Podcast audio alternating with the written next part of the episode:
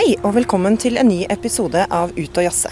Jeg heter Vera Henriksen, og i dag har jeg tatt turen opp til Romsdalsmuseet, der Moldejazz hvert år pleier å ha store utekonserter. Og gjesten i dag er festivalsjefen sjøl, Hans Olav Solli. For å markere det, så har jeg dratt på litt ekstra og pakka piknikkurven og piknikteppet med alskens godsaker. Da er det duket for en piknikpodkast i Molde i dag. Og her har vi sjefen sjøl. Hallo, Hans Olav. Hei sann. Benytter anledningen til å svare på et par e-poster her. Mens, eh, Ja, det er lurt å utnytte tida. Vi Ja, kan ikke absolutt. kaste bort tida når det er bare ei uke igjen til festivalstart. Fint med pushmail og sånne ting. Så det, det går veldig bra. Man kan eh, jobbe fra hvor som helst, egentlig. Ikke Ja. sant? Det er fantastisk. Da, jeg har i hvert fall eh, nøkkel her til Hammervoldstua. I Tilfelle. Rent værmessig Ja, så det er klart. er det jo litt uh, vi sitter jo gjerne ute her nå. Ja, absolutt. Ja. absolutt. Det, men vi er vant til begge typer vær på uh, Romsdalsmuseet under festivalen, så det, det, det tar vi i dag også. Jeg minnes noen konserter eh, under en eh, klissvåt regnponcho hvor det føles som at eh, ølen faktisk Det blir mer og mer i glasset. Ja, det, det er en variant. Det holder seg i hvert fall kald. Husker, Jeg tror det var på Missy Elliot i 2010. Da, da var jeg sjøl så mye med at jeg dansa og var midt i publikum der. Og, og jeg måtte rett og slett kaste skoene mine etter konserten. De var, de var hvite i utgangspunktet, og det, det var ikke mulig å se. Så Det er litt sånn herlig, sånn ja, festivalgalskap. det, er jo- det er sånn sånne man husker da, etter det. Ja, ja. Nei, det er jo ikke til å unngå å komme hit og bli eh, litt trist akkurat nå, da, over at, eh, over at det ikke skal skje noe her i neste uke. Det forstår jeg godt. Og siden 90-tallet har det jo vært store utenlandske artister som har eh, satt sine bein på utescena her. Ja da, Man starta friskt med Blues Brothers i 1989, og, og siden har det egentlig gått bare slag i slag. Og det har vært det ene høydepunktet etter det andre. For å nevne noen store navn, så må vi jo ha med oss Bob Dylan, Van Morrison, Eric Clapton, Ja, Stevie Wonder, Ja. Sting ja, og Leonard. Cohen. Paul Simon. Ja. Ja, det har vært mange. Har du selv noen store festivaler? Ja, Det var jo veldig spesielt når, eh, når jeg kunne på min første festival som, som festivalsjef da, motta min store helt Robert Plant. da. Den rager jo veldig høyt. Men det var også veldig stort når jeg på min aller første festival som markeds- og sponsorsjef i 2006 bare gikk opp her og kjente liksom at, var, var en del av Moldejazz-apparatet. Og, og, og den følelsen var, det var strålende solskinn og en fantastisk konsert med, med Sting. altså.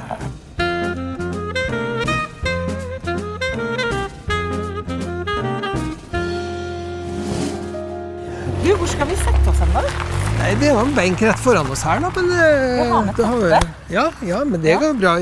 Vi må jo ha utsikt til der hvor scena Ja, eh, Det er like utrolig hver gang man er her og se at det faktisk eh, Ja, å tenke på da, at, at eh, her kan det romme tusenvis av mennesker. For det ser jo ikke sånn ut. Det gjør jo ikke det akkurat nå, men inntil altså 12 000 er det det meste som har vært klemmet inn her. Kanskje ikke Ja, helt offisielt, det tallet. Nei, si men jeg tror ikke vi veit det egentlig helt heller. Det var i hvert fall veldig mye folk her, og kanskje litt mer enn det skulle ha vært på, på Leonard Cohen i 2009. Ja, Det, det, det er publikumsrekorden. Utvilsomt. Mm. Ja. Jeg tenkte kanskje jeg skulle by på en kopp kaffe. da. Det sånn var jo helt herlig. Ja, Topp. det, det, Det er jo ikke blir varmere heller enn at det er greit med noe varmt å drikke. Jeg har ikke behov for noe kald drikke her nå. 12-13 grader, kanskje? Ja, ja, Kan vi anslå? Skifter fort. Det plinger veldig i telefonen min, men jeg tar og skrur av lyden litt nå. Det må kunne gå an. Er det mye som eh, koker? Ja, det er, mm, det er jo selvfølgelig en mindre festival vi skal lage nå enn, eh, enn vi vanligvis gjør, men, men eh, det er jo så mye som er annerledes og nytt, så, så det føles absolutt festivalvipp i administrasjonen nå, altså. Det, det koker bra. Du, Om en uke så skulle altså John Legend ha stått på scenen her. Å, herregud, ikke si det. Hvordan kjennes det? Nei, det, det, er vondt å tenke på, altså. Men det er jo et gedigent plaster på såra, det at vi i hele tatt klarer å gjennomføre festivalen. Altså. Så fokuset vårt er jo selvfølgelig der, og på hva vi kan gjøre, og hva vi skal få ut av den festivalen. Men, men det er klart, det, det, skulle vært eh, helt annerledes. Altså, det skulle det. Og, og ikke minst John Legend, som vi har hatt en gang før gjorde en strålende konsert da, og har jo egentlig blitt enda mye større siden da. Han er jo en av verdens største stjerner nå. Skulle vært fryktelig godt å se han oppe på scenen her eh, på den dagen han skulle vært her. Det ville vært 15. juli, det da. Onsdagen, ja. Kommer han tilbake? Har dere noen deal? Vi jobber jo selvfølgelig med å, å, å ombooke ting til neste år, og jeg tror nok han har, eh, har lyst til å, å få det til. Vi har jo selvfølgelig agenter og sånn vi jobber med, da, men eh, det er jo en liten eh, Ja, det er to hovedutfordringer. Det ene er at vi faktisk flytter oss ganske mye til neste år. For når vi ligger i uke 29, så betyr det at plutselig så, så flytter den på seg datoer. da. Så Pori-festivalen, som, eh, som, vi gjerne samarbeider en del med, de blir plutselig nå liggende en uke unna oss. Fordi mens årets festival er 13. til 18. juli, så blir 2021-festivalen 19. til 24. juli. Så, så, det kan være en liten eh, praktisk eh, utfordring. Og, men kanskje den aller største utfordringen, eh, for jeg tror faktisk John Legend har veldig lyst til å komme hit, det, det handler om det at det er veldig vanskelig å gjøre en avtale før vi faktisk nå vet hvilke rammebetingelser som også gjelder for, for 2021. Da. Er det sånn f.eks. at at det kan være tillatt med både 1000 og, og, kanskje mange tusen, men at det er én meters avstand som gjelder, så vil jo det gjøre et alvorlig innhogg i antall publikummere vi kan ha uansett. da. Det er vanskelig å se for seg én meters avstand på Romsdalsmuseet? Ja, det er det kanskje, men nå har vi altså laga scenekart på taket på, på, plassen, så da skal vi vel lage scenekart her også, vi, hvis det, hvis det er det som må til. Vi gjør, vi gjør det alt som må til vi, for å kunne lage mest mulig festival. Men, men det, akkurat, det, blir veldig vanskelig å gjøre avtaler da, kan du si, når, når rammebetingelsene er, er, usikre. I april og mai så var jo Moldejazz veldig nære avlysning. Hvor, hvor nært var det, vil du si? Det var vel så nært som at uh, da du intervjua meg på International Jazz Day, så satt vi vel mest og snakka om hvor trist det var at vi gikk mot avlysning. Men det var jo den samme dagen at vi fikk vite at det kunne være en mulighet for, uh, for 200. Så det surra vel ganske godt i bakhodet på meg akkurat mens vi satt og snakka da. Så, så, så, vi var jo fryktelig nære avlysning, men, men styret var veldig klar på at vi avlyser ikke før vi har et myndighetspålegg som tilsier det. Og det ble vi etter hvert veldig glad for at, eh, at vi hadde som en rettesnor der. Og nå har eh, du og resten av administrasjonen egentlig da planlagt tre festivaler på ett år. Dere er jo ja. hele tiden på den neste. Ja, ja, og samtidig fikk dere en eh, ekstra nedskalert enn nå. Hvordan har det vært? Nei, det har jo vært utfordrende. Men vi som jobber med, med Moldejazz, vi, vi, holder vel på med det fordi vi liker utfordringer, da. Så da er det vel for sett og vis greit. Men, men det har vært noen, noen, lange dager, ja. Jeg kom på jobb til et par flirende damer som hadde døgna. altså vært på jobb hele natta? Ja, ja, ja. Så det var litt småfliring da utover dagen. Sånn, litt sånn som man gjerne blir etter å ha fått litt for lite søvn. Men er dere i rute? Kan du ja, trygge vi, vi er det. Det er, det er eh, strømmedelen av festivalen. Og vi skal jo strømme en del konserter også, sånn at flere publikummere får mulighet til å, til å oppleve oss enn de som sitter i salen. Så, så det kommer vi ut med ganske snart her.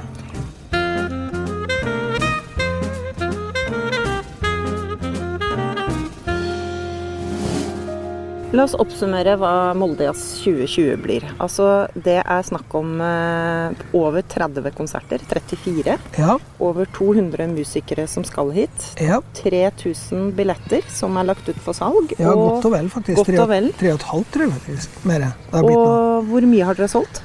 Eh, nå nærmer vi oss veldig 3000, så, så, dette ser jo kjempebra ut. Vi, sånn sett så Prosentvis så selger vi mer billett enn noen gang det som er lagt ut. Det er klart at nå, nå kaster jo folk seg over det som er tilgjengelig. Kanskje folk drister seg nå til å gå på ting som de ellers ville sett bort fra også, fordi de ser på hva er det faktisk som er tilgjengelig her. Så det, det, kan jo bli litt spennende å høre tilbakemeldinger på, at folk får en del nye opplevelser. Jeg vil i hvert fall oppfordre folk veldig til å, til å gjøre det. Og rent kunstnerisk så er vel kanskje den største forskjellen eh, at det ikke er noen utenlandske artister. Det er blitt en nasjonal eh, jazzfestival. Ja. Hva kan du si om eh, det programmet som dere har klart å stable på beina? Nei, Det er klart det måtte jo bli med basis i, i, i norske artister. da, og det, det er jo ikke noe, jeg håper å si, noe feil med det, fordi norsk jazz er jo veldig langt fremme i i både europeisk og verdenssammenheng. det, Så kvalitetsmessig så er vi jo, jo, helt på topp. Vi skulle jo fryktelig gjerne hatt uh, noen utlendinger eh, med der. Og det kan faktisk være at det er et par som dukker opp i et par band der. Da. Så det, det, men det har vi overlatt til banda sjøl, om, om, de vi, som har et par utenlandske. Ellers så får vi jo trøste oss med at Trisha Botena eh, fra New Orleans, bosatt i Langvågen, blir jo på mange måter dette for årets Benny Bailey, da. Benny Bailey var som kjent den eh, første utenlandske artisten i 1961, og den eneste da, en farga amerikansk trompeter som var bosatt i, i, Sverige. Da får vi satse på at Trisha ikke har returnert sitt amerikanske pass ennå, som hun har eh, hatt lyst til å gjøre ved flere anledninger. Tror jeg. Ja, ikke sant? Men eh, Hans Olav, det blir eh, ikke jazzlosje eh, og åpningsparade og full drus i Storgata, sånn som vi er vant til. Hvordan skal Molde Moldejazz 2020 åpnes? Jo, det blir jazzlosje, da. Men, men, ikke parade, nei, som du sier. Det, det, var jo en av de tingene som så veldig det øyeblikket vi trodde vi måtte avlyse, så var noe av det som var veldig trist, var at uh, jazzlosjen ikke kunne skje, da, sånn som vi trodde da. fordi uh, de hadde jo samling allerede i januar, og det låt jo så bra allerede på den første samlingen. Jeg var innom og besøkte dem, og jeg ble helt uh, slått i bakken av hvor, hvor, bra det låt allerede da. Så den aprilsamlingen de hadde, ble jo avlyst. Men når vi fant ut vi skulle lage en nedskalert festival, så var det naturlig å tenke at Jazzlosjen måtte inn på en måte. Så de har da samling helga før uh, festivalen, og de skal spille på åpningen på, på eh, taket på mandag. De skal også gjøre gulljazz på tirsdag. Da drar de rundt og spiller utafor institusjoner, sånn at det på mange måter er ivaretatt. Og så skal de faktisk gjøre en egen jazzlosjekonsert. Så sånn sett så blir eh, jazzlosjen godt representert også i, i, i denne festivalen. da. Og på åpningen så skal de spille først, og, og, og til slutt, da. Og så får vi jo Abid Raja, kulturministeren, til å åpne, og det syns vi også er veldig stas. da. Ja, Når du får kulturministeren på besøk, nå vet ikke jeg hvor mye tid han har til rådighet, men eh, hva er det du vil vise han? Um, ja, Vi skal ta han en omvisning på plassen da, som er teateret vårt. Og uh, så vil jeg jo fortelle han om, om Molde Jazz og sørge for at han vet hvilken plass vi har i norsk jazz og norsk festivalhistorie. Og så ja, det blir en fin anledning til å rett og slett knytte litt nærmere bånd til han da. Og så håper jeg at han rekker å få med seg åpningskonserten i Bjørnsonhuset, slik at han får litt eh, musikalsk input også. Tidligere så var jo du eh, noe kritisk til eh, myndighetenes manglende avklaring. Eh, ble vanskelig for festivalene å, å planlegge. Har du noe særskilt budskap til kulturministeren når du først har han her på tomannshånd? Jeg vil jo snakke litt om, om uh, norsk jazz, da. Og, og uh, hvor sånn han er klar over at uh, i norsk jazz så har vi en fantastisk eksportartikkel. Vi har et produkt som er verdensledende. Og at uh, Molde Jazz spiller en veldig viktig rolle i det her. Ikke minst som eksportør, som utstillingsvindu for norsk jazz overfor verden. Så, så jeg vil jo sørge for at han har fått med seg det, i hvert fall. Selvfølgelig var jeg også frustrert over at vi ikke fikk eh, klarhet i, i rammebetingelser og, og sånn, men, men, jeg syns jo på mange måter at uh, kulturministeren har um, tatt budskapet på en måte og har eh, vokst med oppgaven også, om det er lov til å si sånn. Men kulturministeren synes han, eh, synes han, eh, han, har jo et åpenbart brennende engasjement og, og, er jo veldig til stede. Så, så hvis han fortsetter Jeg syns han er på en bra stigende kurve, da, for å si det sånn. Og det skal jeg si til henne, altså. Men dansing Jeg hadde sett fram til at vi skulle se, få se kulturministeren danse her. Det har vi jo gjort før. Ja, ja, ja. ja, ja han er jo Og så blir vi snytt for dansinga. Ja, det er jo litt synd, det, da. Vi, vi får håpe at vi Kanskje det er mulig å utfordre han oppe på taket på, på åpningen. Jeg vet ikke. Vi får se.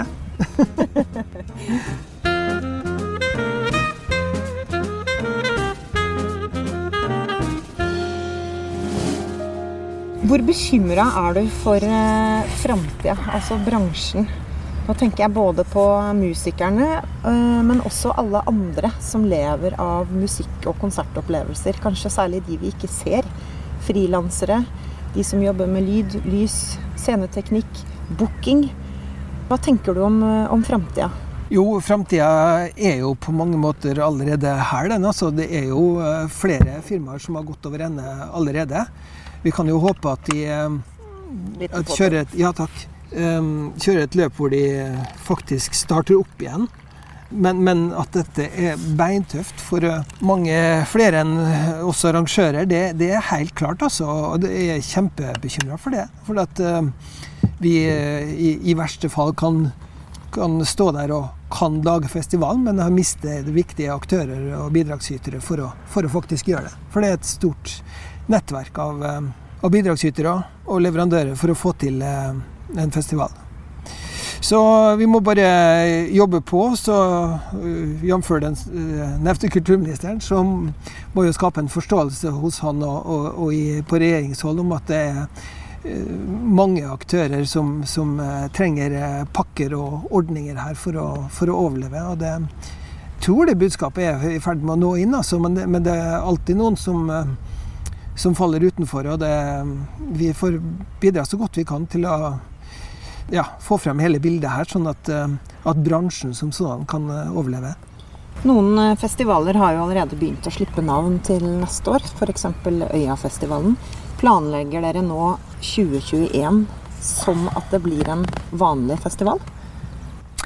I, I, utgangspunktet gjør vi det, men vi lander nok ingen avtaler sånn endelig før vi vet mer om de, de rammebetingelsene, sånn som jeg var inne på, på i sted her. Altså. Så, så, nei, det er veldig spesielt det som skjer. For helt parallelt med at vi jobber med den, den nye festivalen i år, så, så, jobber vi mye med neste år også, og, og booker om ting. Og heldigvis så gjør jo det at vi gjør en festival i år. At vi, at vi, har muligheten til å lage noe nytt også til neste år. Jeg hører jo andre festivalsjefer beklager seg over at de egentlig ikke har noe armslag og spillerom til neste år, fordi de rett og slett har flytta hele festivalen over.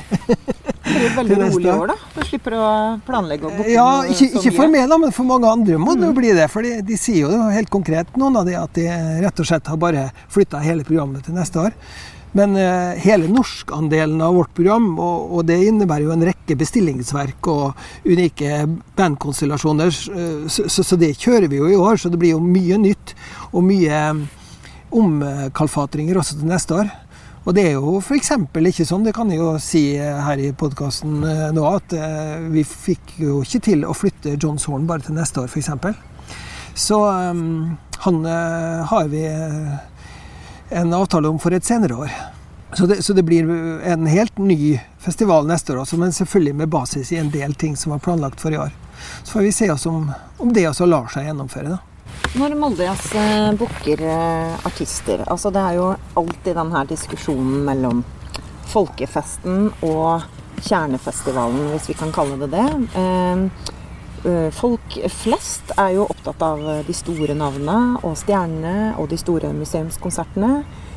Kjernepublikummet vil ha genuine, gode jazzkonsertene. Og her, dette skal man hele tida balansere imellom. Og prøve å merge. Prøve å og få det til å falle sammen noen steder.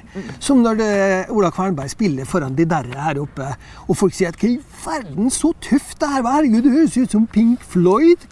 Hvis jeg trodde liksom kanskje at Ola Kvernberg spilte, spilte stringsving fremdeles, liksom. ja. Så dere prøver å lure inn? Ja, vi gjør faktisk det, altså. Mm.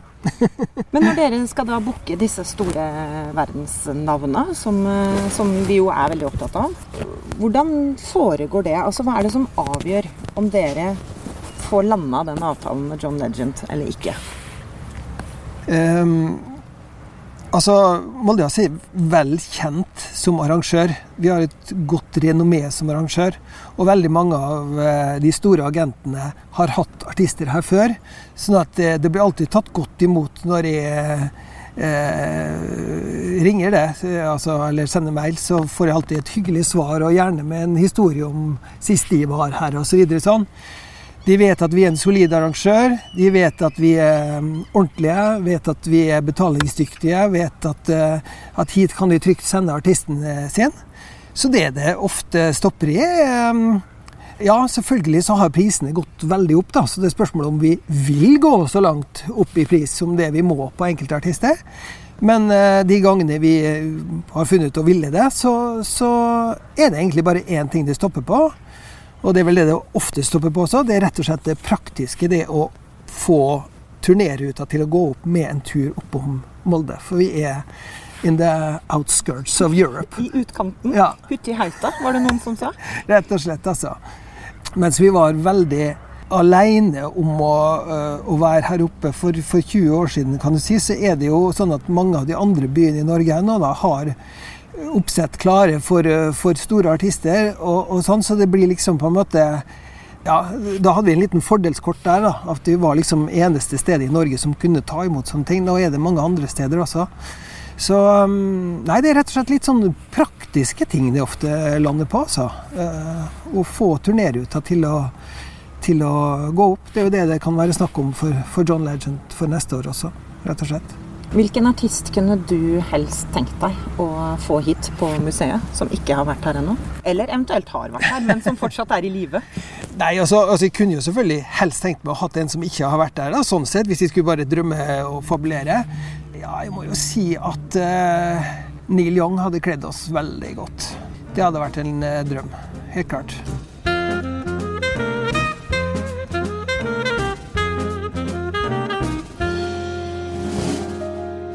Jeg lagde ikke noen introduksjon av deg her nå i starten, men vi må jo nevne at du har vært eh, rockevokalist. Jeg leser hardrock. Mm, ja. Eh, ja.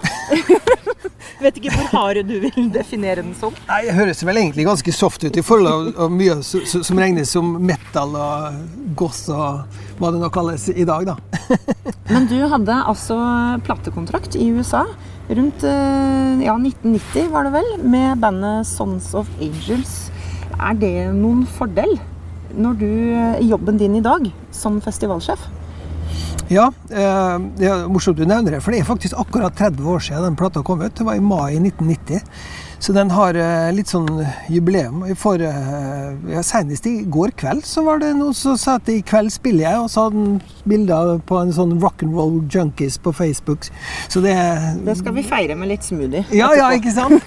Så, det, så den, den, blir løfta frem eh, rett som det er, altså.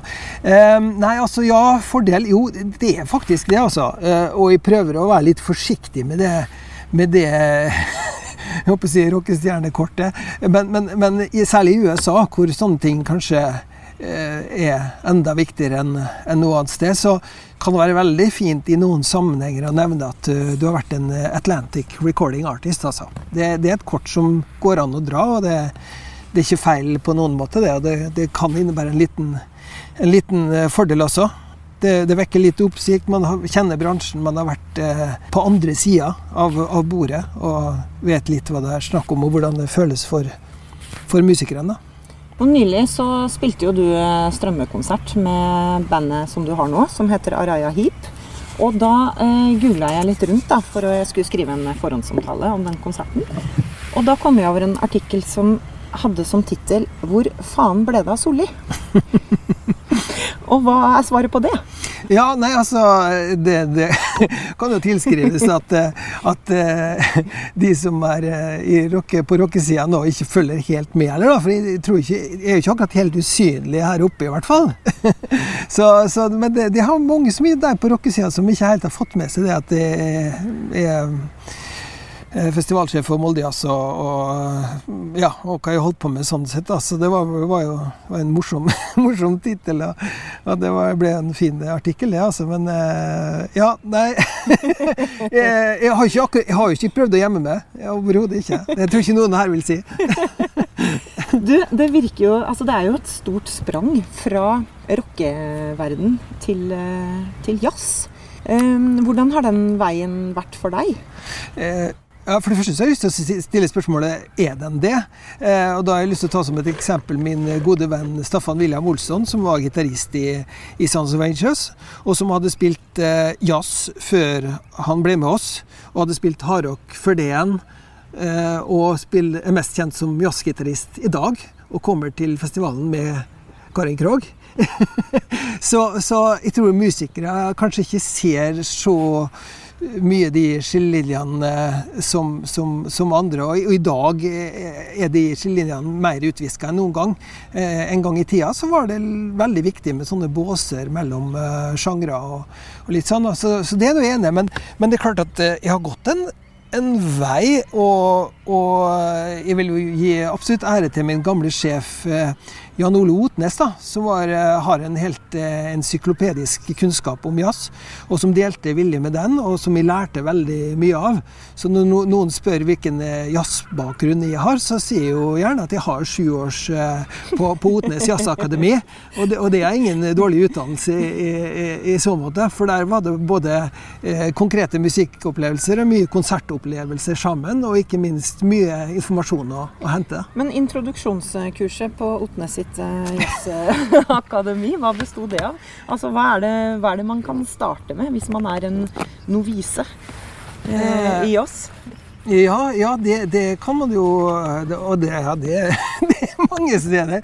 Eh, jeg vil jo si at start gjerne med den største stjerna som har innen jazzen, kanskje ever, men i hvert fall som har vært på Molde Jazz. Og han er vel på mange måter av veldig mange også regna som den største, Miles Davies. Uh, og, og starte med, med, hans 80-tallsversjon, som, som, var faktisk Da spilte han jo popmusikk på jazztrompet. Uh, og, og, og utforske Miles Davis.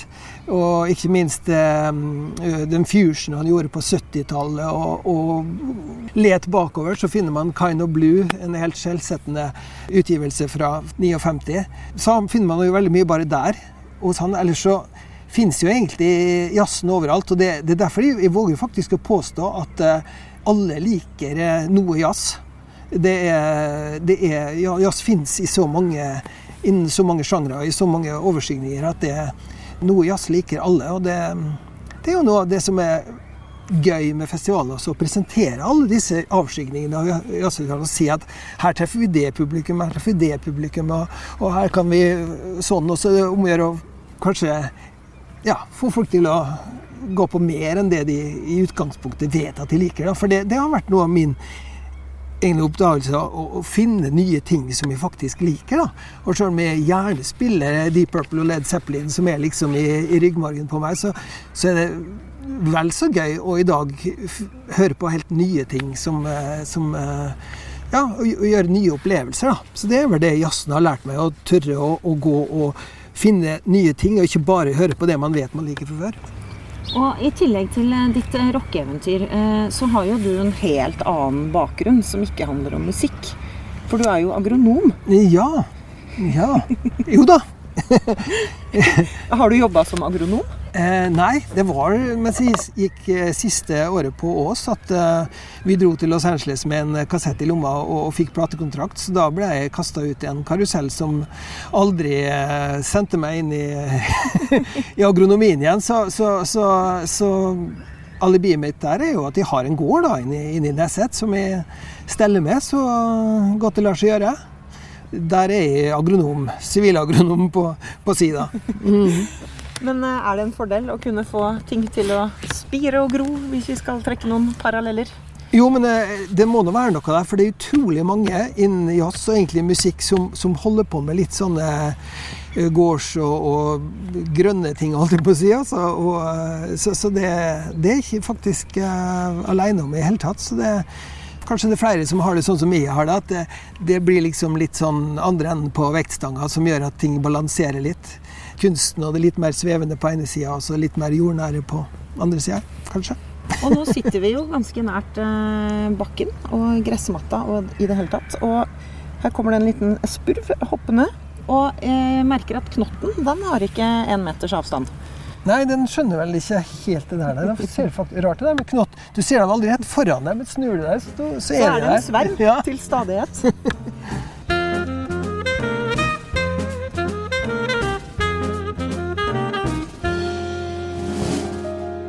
Du Hans Olav, nå har du vært festivalsjef for Molde Jazz i eh, skal vi se, fire? Fem? Du, Dette her blir faktisk min sjette festival. Og det kom jeg plutselig på her om dagen sjøl. Og det må jeg bare si at det, det at jeg oppdaga at Oi, med den som blir min sjette festival, da, så, så har jeg faktisk vært festivalsjef i 10% av festivalhistorien. Og det, det kjente jeg at jeg ble litt stolt over.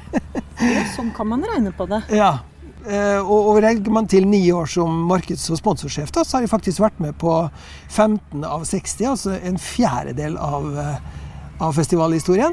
Og da, da, blir jeg jo mulig enda mer stolt, da, for det er jo faktisk en god bit. og Hvordan har festivalen utvikla seg i de årene der? Ja, Det har vært litt av en reise, fordi at eh, fra å være ganske unik og håper å si jeg håper å si på vår høyhestig, men eh, det er kanskje litt feil ord. Men, men altså, vi hadde en veldig unik posisjon da jeg starta i, i Molde altså, i 2006. Vi var knutepunkt. Vi var, eh, det var på en måte ingenting som, som trua oss, verken på en eller andre måten. Vi hadde de største kommersielle artistene i, i verden, men vi hadde også den råeste jazzfestivalen, og det var, det var ingen som var verken over eller på, på siden. Det kan vi nå selvfølgelig påstå at det fremdeles ikke er, men, men vi har i hvert fall blitt utfordra i disse årene. Og vi har blitt utfordra på alle måter, egentlig. Eh, ikke minst på det at, at hele den ordningen med en opplest og vedtatt ledende festival, den såkalte knutepunktordningen, den ble jo lagt ned i 2015. Så det har jo gitt oss helt andre og, og, og tøffere rammebetingelser. Det har absolutt skjedd mye de årene der, altså. Og teknikken har utvikla seg veldig. Fra at uh, på den tiden var det en god idé å ha vårt eget produksjonsselskap, så har vi jo de senere årene vært veldig klar over at det ikke har vært noen god idé, og har jo lagt ned Molde Forum. Og kunstnerisk sett uh, kan man kanskje si at man ser flere sjangere, eller flere sjangeroverskridelser i dag enn man gjorde for 15 år siden? Ja da, det var kanskje begynt litt på den tiden eh, også. Eh, men det har jo i hvert fall eskalert noe voldsomt.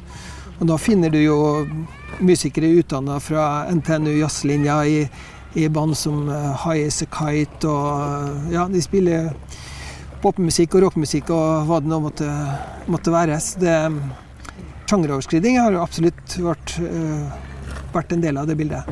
Og hvordan er festivalsjefjobben? Altså Det virker jo som det er, eh, det er mye jobb. Det er nå én ting.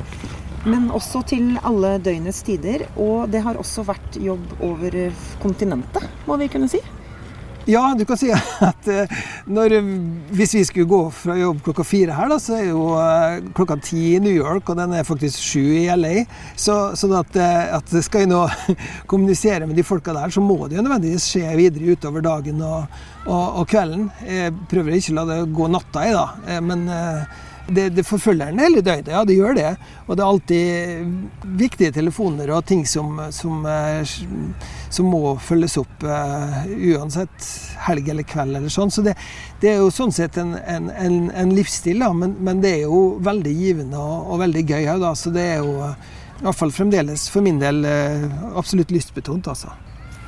Da har vi kommet et godt stykke på vei, da. Er det noe du har lyst til å si? Sånn når du har åpen mikrofon? Nei, altså um, Vi skal liksom se litt utover eh, byen. Uh, så, så, så, må jeg jo si at jeg er litt sånn ekstra glad og stolt over hvor, hvordan liksom byen år etter år tar imot denne festivalen. Da, og hvor, hvor glede folk viser over festivalen. Blir jo stoppa hvor en går, egentlig, på butikken eller hva det måtte være. Og folk ja, i år f.eks. er kjempeglade for at det blir festival, og, og har alle noe slags forhold til festivalen, har tenkt seg på konsert. og sånn, Så det, det, det er veldig kjekt å se hvor, hvor sterkt denne byen har tatt festivalen til seg. Da. Og hvor, hvor sammenvevd det er med, med rett og slett identiteten til folk her. Er det noe du gleder deg spesielt til i år? Um, ja, det er mange ting, selvfølgelig. Men det skal bli veldig fint å kunne krone eh, festivalen med en avslutningskonsert i Domkirka hvor Arve Tellefsen gjør sin Moldejazz-debut. Det syns jeg er av de, ja, et av de virkelig morsomme poengene med denne festivalen. I en alder av 83 år. Ja. Det er ikke verst. Mens eh, Karin, også 83 år, Han var med på den første for 60 år siden. Så.